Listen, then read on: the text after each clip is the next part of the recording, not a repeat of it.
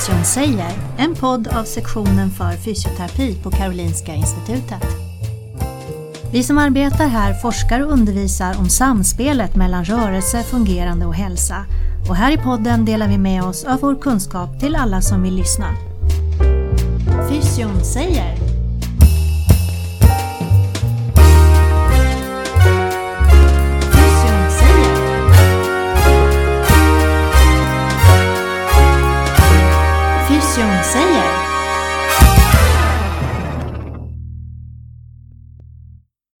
Ja, välkommen till Fysion säger. Mitt namn är Wim Groten och jag jobbar på NVS, sektionen för fysioterapi. Och idag är det den 14 april och vi sitter mitt i en pandemi, covid-19. Och vi behöver ha gäster naturligtvis idag. Och den första gästen är Malin Nygren Bonnier och du jobbar här också. Precis, jag är här på samma eh, institution och eh, är här som lektor och docent. Eh, men sen har jag också en förenad anställning då mot Karolinska Universitetssjukhuset, eh, medicinska enheten arbetsterapi och fysioterapi. Eh, där jag har en förenad anställning då som sagt. Så jag jobbar som sjukgymnast också. Mm. Bra, och vi har inte bara en gäst, vi har en till gäst som är Anna Svensson Rask som är doktorand här på institutionen också. Det stämmer. Och jag är också specialist inom intensivvård på Nya Karolinska Universitetssjukhuset i Solna. Bra, och jag bjuder in er att komma till den här studion och prata om detta eftersom jag vet att ni har varit ute och jobbade nu intensivt på intensivvården. Och eh, senaste statistiken säger att vi har nu eh, fler än tusen döda i Sverige och nästan 900 personer på IVA. Min första fråga blir då, vad gör en fysioterapeut på IVA? Eh, om vi pratar om i förloppet innan covid-19 så handlar det väldigt mycket om att förbereda organisationen och oss själva i hur vi skulle ta hand om de här patienterna på bästa sätt. Och det handlade mycket om att eh, se igenom PM och göra filmer och utbilda personal inom eh, buklägesvändning och framstupa sidoläge. För det är en av de eh, metoder man har sett som har en eh, faktisk effekt för att påverka det här akuta respiratoriska syndromet som man kan få eh, av covid-19. Ja, det här syndromet har ett visst namn va? Och ARDS, vad står det för? Acute Respiratory Distress Syndrome. Okej. Och Malin, vill du lägga till någonting där? Nej, men man kan väl säga att, att det har ju funnits tidigare, tidigare ARDS på, på patienter som är på IVA. Eh, men vi har ju inte sett det i sån här stor utsträckning och det är ju det man ser som händer med, med de här patienterna, att de får det här mer eller mindre, för det finns ju olika stadier då. Och jag vet inte Anna om du ska fylla i lite hur, hur liksom det ser ut, i, liksom, vad är det som händer i lungorna? Man, kan man enkelt förklara det? Eller vad säger Ja, du? enkelt förklarat kan man väl säga att det blir som en inflammationsprocess som triggas igång av eh, sjukdomen i sig. Eh, det som händer inne i lungorna det, det blir en eh, förtjockning av alveolväggarna som i sin tur kan leda till en fibrotisering. Och lungan blir som tung och blöt, ödematös helt enkelt. Och det gör att gasutbytet försvåras. Så vi kan inte syresätta kroppen optimalt och vi kan inte heller vädra ut koldioxid optimalt. Och inuti den här båda lungorna så ligger det en liten, liten bebislunga som är helt intakt som får stå för den stora delen av ventilationen. Och eftersom största delen av vårt gasutbyte och ventilation sker bak till i ryggdelarna så är effekten av att vi vänder en patient i bukläge gör att vi öppnar upp de delarna som har varit tunga och blöta och svåra att syresätta. Och då kan vi optimera ventilationen och gasutbytet. Det var intressant att höra hur det går till.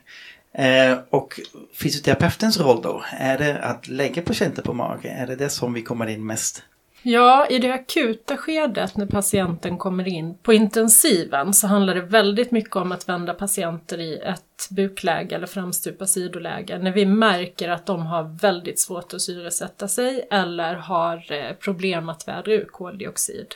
Tillsammans med att du har en mekanisk ventilation i form av en ventilator så är det så vi kan förändra syresättningen och få dem att vara i en väldigt svår ARDS-bild till att bli lite mindre svår ARDS-bild, kanske gå till en mildare grad av ARDS. Och så småningom så drar vi ju tuben, vi tar bort respiratorn och då kan vi hjälpa patienten med det vi brukar göra, att komma upp och sitta på sängkanten och se till att de kan ventilera sig optimalt. Mm. Och det vi gör då framförallt vid, vid själva buklägessändningen, det är inte man kan inte bara göra en person, man kan behöva vara mellan fem och åtta personer har jag varit med om. Eh, och då är det egentligen hela teamet med liksom en läkare som ofta då håller i huvudet för att man ska ha kontroll på tuben, tärnål och sen att, att det också finns sjuksköterskor, undersköterskor, arbetsterapeut och, och vi. Och ofta så har det varit så bland kollegorna också att, att det är ofta vi som utbildar i buklägesvändningen och också har eh, ja, styr vilka olika moment vi ska gå igenom, hur vi ska, var man börjar flytta liksom patienten lite till sidan och så upp på högläge och så runt. Även om det då kanske är läkaren som håller tuben som räknar så har vi kanske hjälpt till att förbereda så att vi har kontroll på allting runt omkring. Det är väldigt mycket infarter och slangar och och sånt som man behöver se till så att man gör nästan som en liten checklista innan. Man tar en time-out helt enkelt mm. innan man gör det här. Eh, och bestämmer vem som ska leda och vem som har ansvar för luftvägen helt mm. enkelt som Malin säger. Läkaren har luftvägen och vi är de som leder vändningen. Hur det ska gå till och åt vilket håll det ska ske. Just det, patienten inte är medveten alls? Patienten är eh, på intensiven oftast djupt sövd i mm. nuläget. Och i många fall också muskelrelaxerad. Så man är en väldigt tung patient som såklart då inte medverkar överhuvudtaget. Mm. Men det finns också patienter som inte har en respirator utan de har en non-invasiv ventilation, det vill säga de har en mask mm. som hjälper till och säkerställer ventilationen och de kan vara vakna och vändas i bukläge, kanske med bara lite hjälp av oss. Mm. För de klarar av att göra väldigt mycket själva. Men sen är det inte bara att vi vänder dem till bukläge för att för då ska de ju ligga där i ungefär 16 timmar. Eh, då ska vi ju sen på morgonen vända mm. tillbaka dem så då är det ju samma moment fast man ska tillbaks till ryggläge. Och där hjälper vi ju såklart mm. till med samma sak. Mm. Ja, och sen tillbaka igen. Och sen tillbaka. Och det är ju en bedömning och det är ju, det är ju såklart läkaren som kanske också tillsammans att man resonerar om det blev ett förbättrat läge, om, om det liksom blev ett bra utfall för patienten, att man såg en förbättring. Mm. Sen är det ju så också att, att alla patienter ser olika ut. Alltså om man... Ofta kan man ju vända mm. alla patienter men man kanske får modifiera mm. läget. Du kanske inte kan komma över i ett strikt bukläge men ett framstupa sidoläge. Eh, och sen, precis som Malin är inne på, vi ska ha minst 16 timmar för det är det vi har evidens för mm. när det gäller ARDS och bukläge. Eh, det kan vara längre, det kan också vara kortare beroende på om man har en patient som man kallar för responder, det vill säga någon som svarar på ventilationen eller inte. Mm. Men det som är lite skillnaden mot den traditionella ARDS-bilden är att de här patienterna kan svara väldigt snabbt men de kan också vara väldigt långsamma i sitt svar, hur de faktiskt ventilerar sig i det här läget. Visst det, och det här måste vara lite trial error just nu för eftersom det är en helt ny sjukdom. Det är en helt ny sjukdom, ja. Vi vet vad vi kan göra eh, för att optimera ventilationen men vi har inte en regelrätt behandling som vi exakt vet att det här kommer att fungera för alla. Mm. Men vi har evidens för bukläge. Sen är det ganska många som blir bra, som tur är. Du tänker som de ligger i Som de ligger på IVA och sen går därifrån igen. Två till tre veckor. Två till tre veckor och det är mycket längre än normalt. Vår snitttid på intensiven skulle jag säga är mellan eh, två till fem dagar. Om vi skulle dra ett snitt en ARDS-patient kanske ligger, ligger oftast lite längre men så här långa vårdtider brukar vi inte ha. Mm. Och inte heller så här eh, sövda patienter. Mm. Vilket gör att vi, eh, när vi väcker patienterna så har vi en patient som är väldigt muskulärt utmattad för de har tappat muskelmassa. De har inte andats själva. De har inte rört sig själva och de eh, orkar väldigt lite. Deras marginaler är väldigt små. Inte bara skelettmuskulaturmässigt utan även andningsmuskulaturmässigt. Så det är en utmaning för de som kommer efter intensiven. Och det har också en, ett fint namn va? I, läser någonstans ICU. IVA Acquired Weakness. Ja, eh, critical illness eller eh, Ja. ICU acquired weakness. Precis. Intensivvårdsförvärvad muskelsvaghet om man ska... Just det, på svenska. Precis. Och då kommer fysioterapeuten i, i den rehabiliteringen naturligtvis också. Ja, så är det. Och det har vi ju haft tidigare också med de här som kanske då haft ARDS sen tidigare. Men vi har ju inte haft kanske så här många heller. Och, och nu vet vi ju inte riktigt om, om de är på samma sätt i och med att vi upplever den här väldiga tröttheten. Efteråt så vet vi inte om det kommer krävas mer. Alltså var liksom går det någon gräns som vi ska bedöma deras fysiska funktion. Vilka behöver mer rehabilitering och vilka kanske ändå kommer återhämta sig relativt bra själva. Det är väl lite det som kanske skulle vara spännande att studera vidare. Och fånga upp rätt. Hitta ett instrument där vi fångar rätt personer, de som verkligen behöver vår hjälp under en längre tid. För tittar vi på andra studier på ARDS-patienter så har man sett att rehabiliteringstiden är lång. Det kan vara upp mot ett och ett halvt år innan man återkommer till full fysisk funktion. Men vi vet inte hur deras lungkapacitet och muskulära kardiorespiratoriska status kommer att vara. Det behöver vi lära oss och det behöver vi titta på framåt. Eh, Så det var mycket buklägevändning, det är mobilisering och lite rehab. Men under tiden är det något annat som ni brukar göra? Ja, det är ju nu då när liksom patienterna, när man bara drar bort den här tuben och extubera som man kallar det. Då kan ju patienten också få problem med att man har en hel del slem som har Just det. bildats under tiden man har legat så här länge. Och där kan ju vi som fysioterapeuter också hjälpa till. Både genom att bara mobilisering eller lägesändringar. Men också kanske då hur, hur man kan instruera era olika andningstekniker. Vi gör ju som ett vanligt respiratoriskt status faktiskt, att vi kontrollerar hur ser andningen ut. Kan de dra djupa andetag? Kan de hosta? Kan, hur ser andningsfrekvensen ut? Eh, hur mycket orkar de? Och så får vi anpassa vår behandling efter patientens behov som vi brukar göra. Behöver de fukt? Behöver de eh, instruktioner om hur de ska hosta upp sekret på bästa sätt? Behöver vi öka eh, deras inandningsvolymer för att de ska ha luft att hosta på? Hur jobbar vi med det? Det är väldigt mycket fokus för oss när patienten kommer ur respiratorn i kombination med att vi måste hushålla med deras kraft för att de ska orka. Så det är korta interventioner men många skulle jag säga. Och sen är det ju även den fysiska funktionen, alltså när man kommer upp och sitter på sängkanterna så kan man röra benen, alltså s- sparka lite, trampa med fötterna, kan man röra armarna, trycka med armarna. Och vi kan också då när ju, ju mer, ofta kanske man inte är så med från början, men ju mer vaken patienten blir så kan man också instruera att de själva ska hålla igång och röra på benen och, och försöka själva att ja, komma igång helt enkelt. Eh, Så att man eh, kör det successivt mer och mer. Mm. En till områden som fysioterapeuter är viktiga.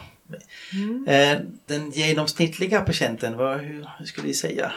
En äldre man med lite underliggande sjukdomar, om jag får spekulera. Ja, det är Ja. väl egentligen det som, har, som står lite i, Ja. i tidningarna eh, eller media som man också att, att det ofta är något underliggande eh, som man har. Det är väl det som är det, det vanligaste. Ja. Så det stämmer väl kanske den statistiken som, som finns. Och det finns ju det här IVA-registret som man plockar- Svenska Mm. intensivvårdsregistret, SIR. Mm. Och det är ju där också tror jag som media plockar. Data ifrån helt enkelt, för där inmatas och inrapporteras ju dagligen. Ehm, Så där, där, ja, där kommer nog väldigt mycket data ifrån. Och över 70 är det mest vanligaste. Eh, kanske inte på intensiven. Eh, vi har ju också patienter på vårdavdelningar och på intermediäravdelningar. Mm.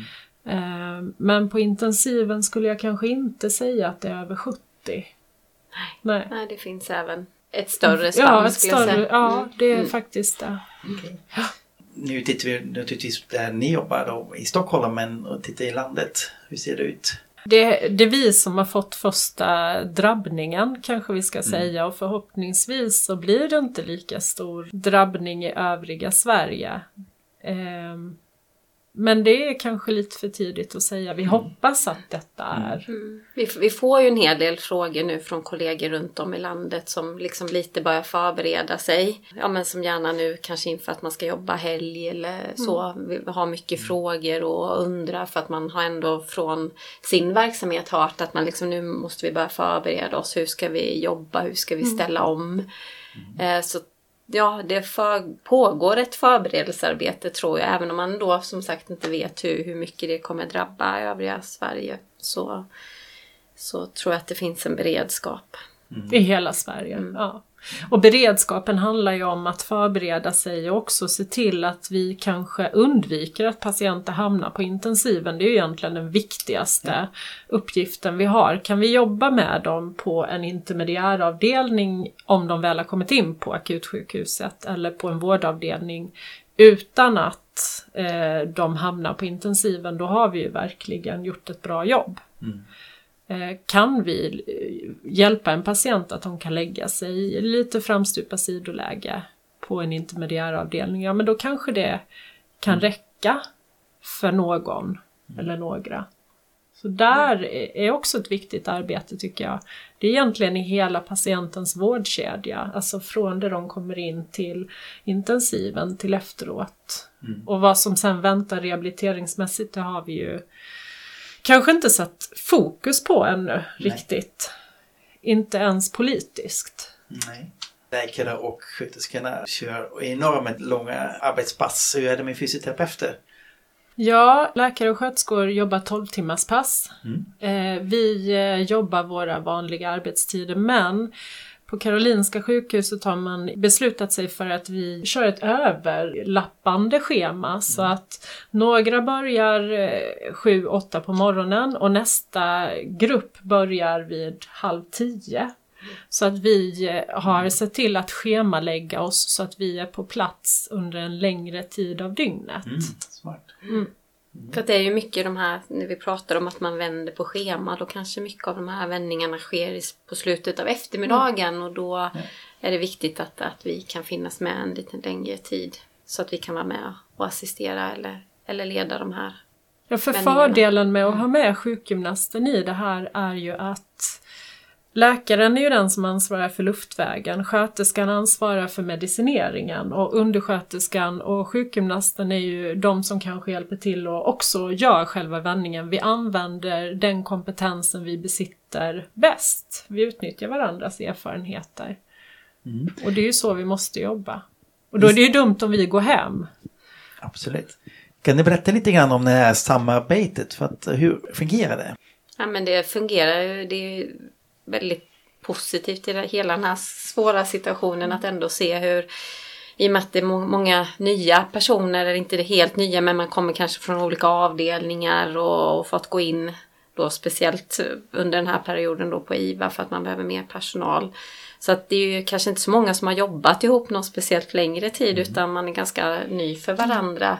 Och att ändå då se hur det här liksom teamarbetet verkligen alla liksom är väldigt positiva och man vill det bästa och man liksom lyssnar, man är ödmjuk för varandras kompetens. Det är faktiskt riktigt häftigt att Helt se. fantastiskt. Eh, Ja, det är, Alla hjälps åt, alla gör sitt bästa. Det, det är en väldigt god stämning. Mm. Eh, trots att det är så svårt sjuka patienter. ja, svårt sjuka patienter. Mm. Så är det väldigt god stämning. Det är fantastiskt att jobba så. Är det, är det brist på platser eller klarar ni av det fortfarande? Jag upplever inte att det är brist på platser eh, Precis. i nu, nuläget. nej, Läget? Nej. utan det ser Nej. ut som det finns reservkapacitet, vad vi förstår. Men Just det, att man har byggt i Älvsjömässan men som jag hörde att det inte används ännu. Nej, eh, man har ju kunnat expandera eh, och göra nya intensivvårdsavdelningar både på Huddingesidan och i Solnasidan så att man har öppnat upp eh, på andra ställen och det har underlättat. Då har Men- man kunnat gå upp, i volym istället helt enkelt. Man kan säga att så fältsjukhuset, det, det vi vet är ju att man liksom, där har man ändå beredskap. Vi har ju haft kontakt med kollegor som har ja, kanske varit lite involverade och börjat utbilda personal så att, att det ändå ska finnas lite kompetens där om, om det skulle komma in patienter där också. Är det något som ni önskar att det skulle ha varit lite bättre nu? Om ni får önska något. Får önska något. Jag något som skulle, ön- inte har fungerat jag, jag skulle önska att det fanns mer skyddsutrustning på vårdavdelningarna och, och ute i kommunerna. Det skulle jag önska. Eh, vi som jobbar på intensiven hos oss upplever jag, eh, jag tror du håller med mig Malin, vi har bra med utrustning i nuläget. Eh, men det är ju när man träffar patienter som man kanske inte riktigt vet om de har en covid-19 på vårdavdelningen som kanske hostar och det kan vara ett läge där man kanske blir exponerad fast man inte hade behövt bli det om man hade haft en adekvat skyddsutrustning. Just det. Ja, det är viktigt det du säger. Och samtidigt så är det också så att man, ja, men jag tänker det här med förberedelse, man skulle gärna önskat i den bästa världen att man vi skulle veta att det här är ett tag, men vid en sån här pandemi så vet man ju oftast inte åt vilket håll kanske alltid det går och hur stora volymer. Och då jag tror det skulle varit svårt kanske och, och att liksom för oss som sjukgymnaster, fysioterapeuter att förbereda oss oss också mer utan eh, utan vi gör ju så gott vi kan utifrån situationen. Och, och utbildar oss själva och våra kollegor och hjälps åt att eh, lyfta vår gemensamma kompetens i andning tycker jag. Eh, för vi måste hjälpas åt nu. Eh, inte bara liksom i vårt eget lilla kontext på sjukhuset utan även nationellt behöver vi hjälpas åt. Just det, det var en fin övergång till eh, eh, en sajt som ni har startat. Eller Malin, jag tror ni har dragit igång något. Ja, precis. Nej, men vi kände det. Eller, jag har fått frågor och Anna har fått frågor och flera kollegor på, på sjukhuset Karolinska har fått mycket frågor och även vårt förbund och även ja, sektionen för andning och cirkulation. Eh, och ja, med, med mycket frågor. Hur ska vi ta hand om de här? Hur ska vi göra? Liksom, hjälp oss. Liksom, vi, vi kan inte så mycket. Och då kände vi att, att nej, men, tillsammans då med Monica Fagervik Olsén som är professor i Göteborg på Sahlgrenska så kände vi att nej, men vi ska försöka samla allting. Och så funderade vi vad kan vi göra det bäst någonstans? Det måste vara ganska enkelt och vi behöver själva ha lite kontroll.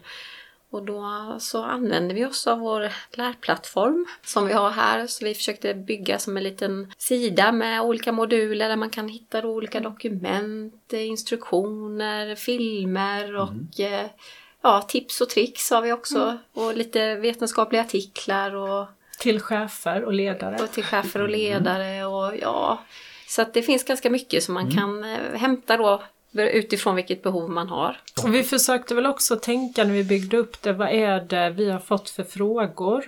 Ja men vi har fått frågor från de som jobbar på intensiven, de som jobbar på intermediären, vi har fått frågor från primärvården. Till exempel hur, hur gör vi ett bukläge? Hur går man tillväga? Just det, jag var inne där och såg en jättefin film Ja. som ni gjorde. När gjorde ni den då?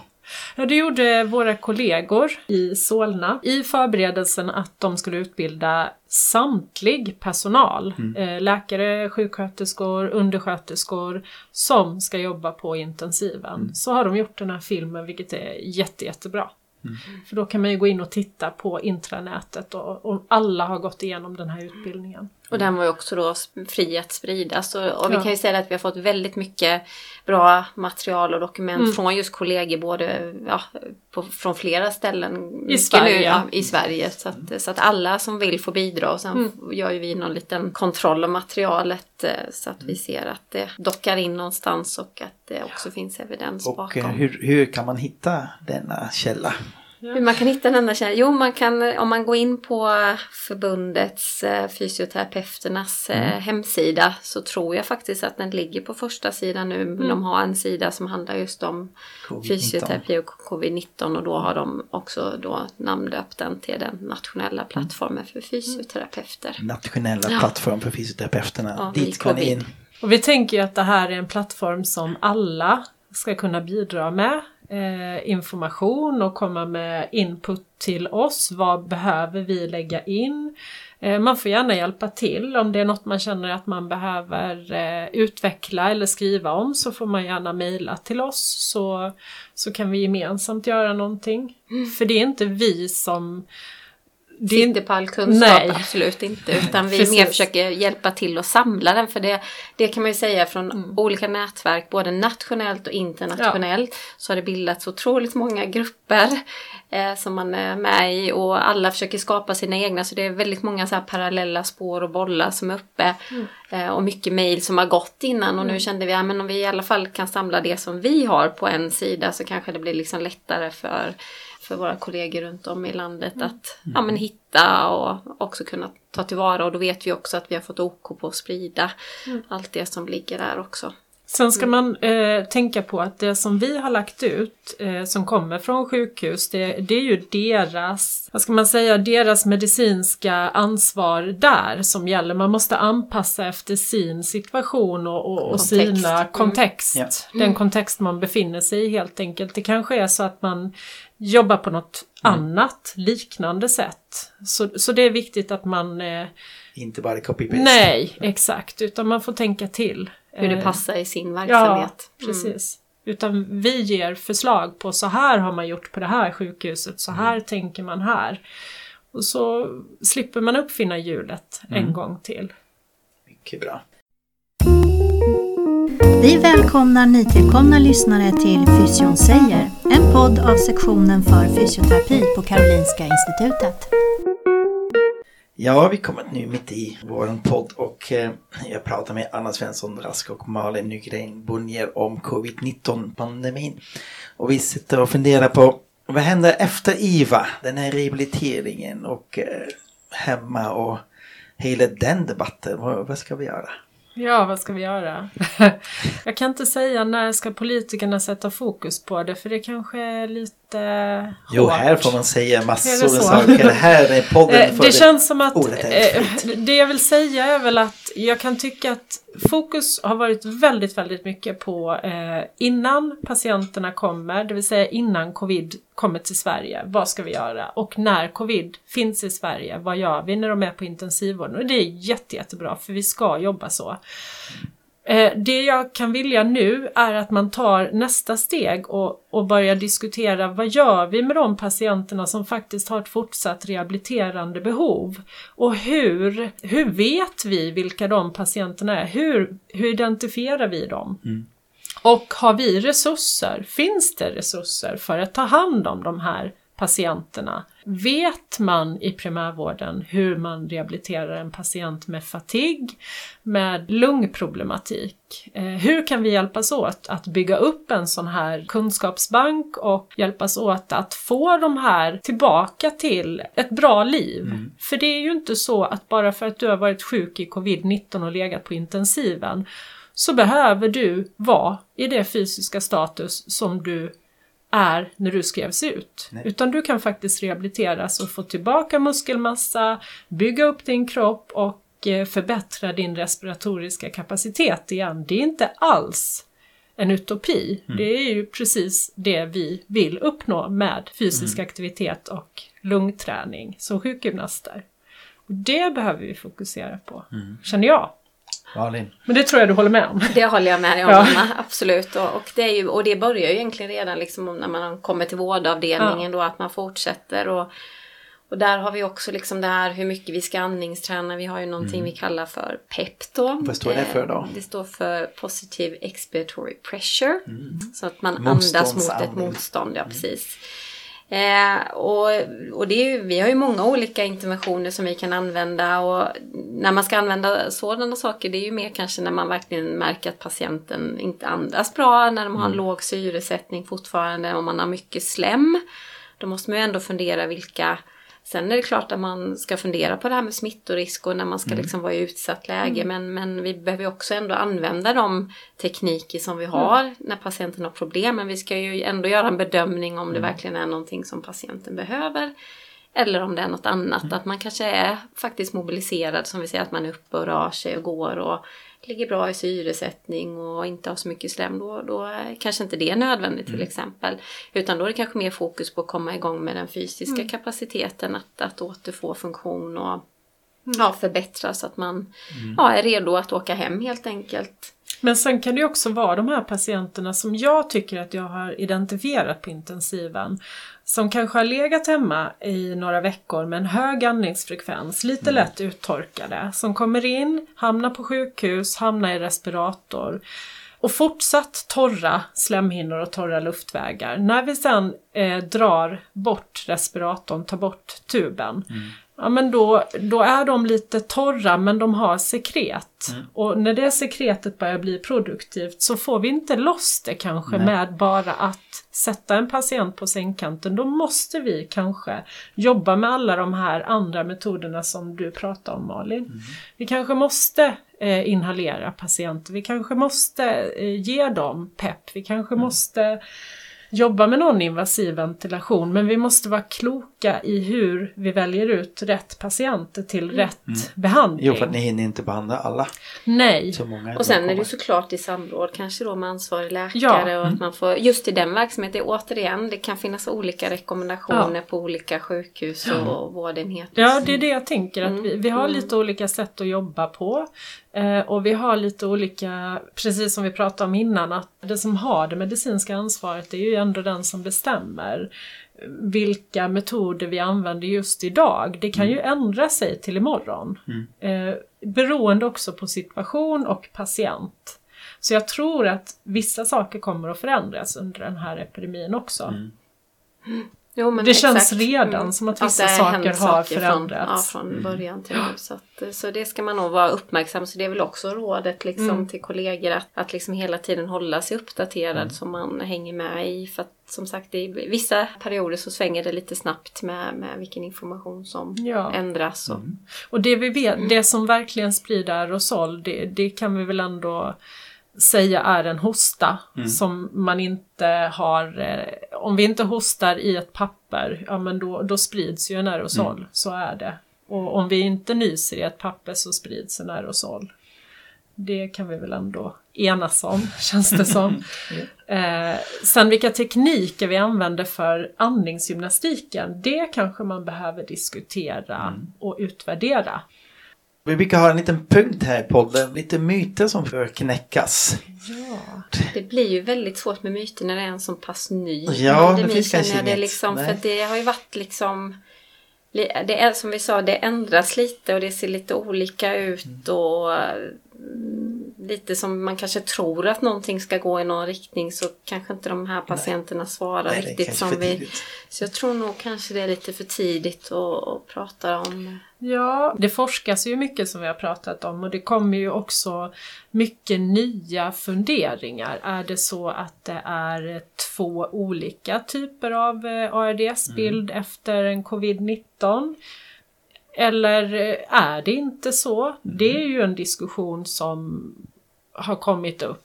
Jag tror också att det kanske är lite tidigt ännu att, eh, att säga definitivt vad det är vi har framför oss och hur patienterna kommer att te sig i det stora hela. Vi är på något sätt mitt just upp i intensivvårdsvistelsen eh. Ja. och effekten av det, tror jag.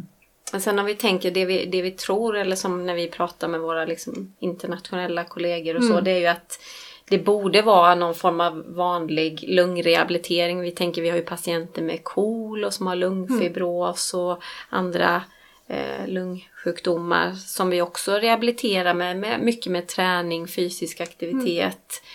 Eh, och vi, som vi tänker nu så är det ju att man börjar med den formen också kanske på en lägre intensitet för de patienter som då har mycket av den här tröttheten, fatig som vi kallar det. Men att man då förmodligen också skulle kunna liksom, ja, progrediera träningen och öka intensiteten efterhand.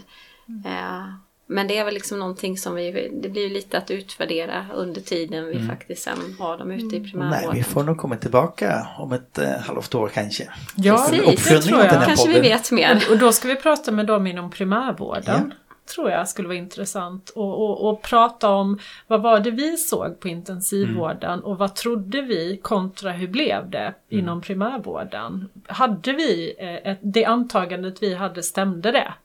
Och då kanske kommer vi också få lite fler lärdomar från den där. Ja. Jag tror den här perioden är väldigt intressant. Vi kanske lär oss mycket om vårt yrke och vården. Inte minst teamarbete. teamarbetet. Lär sig väldigt många professioner just nu. Och kanske lite snabbare beslutsvägar. Ja, Det går, jobba digitalt. det går att jobba digitalt och det går att få snabba beslut. Även politiska beslut verkar det som. Kanske det. Ja.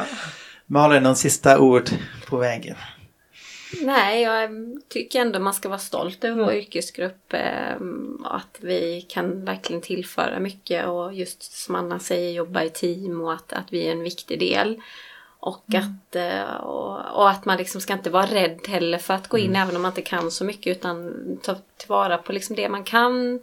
Ja, gå in till exempel på plattformen och prata med kollegor och liksom försöka att tillsammans då med övriga i teamet också resonera sig fram till vad som kan vara bäst för just den här patienten.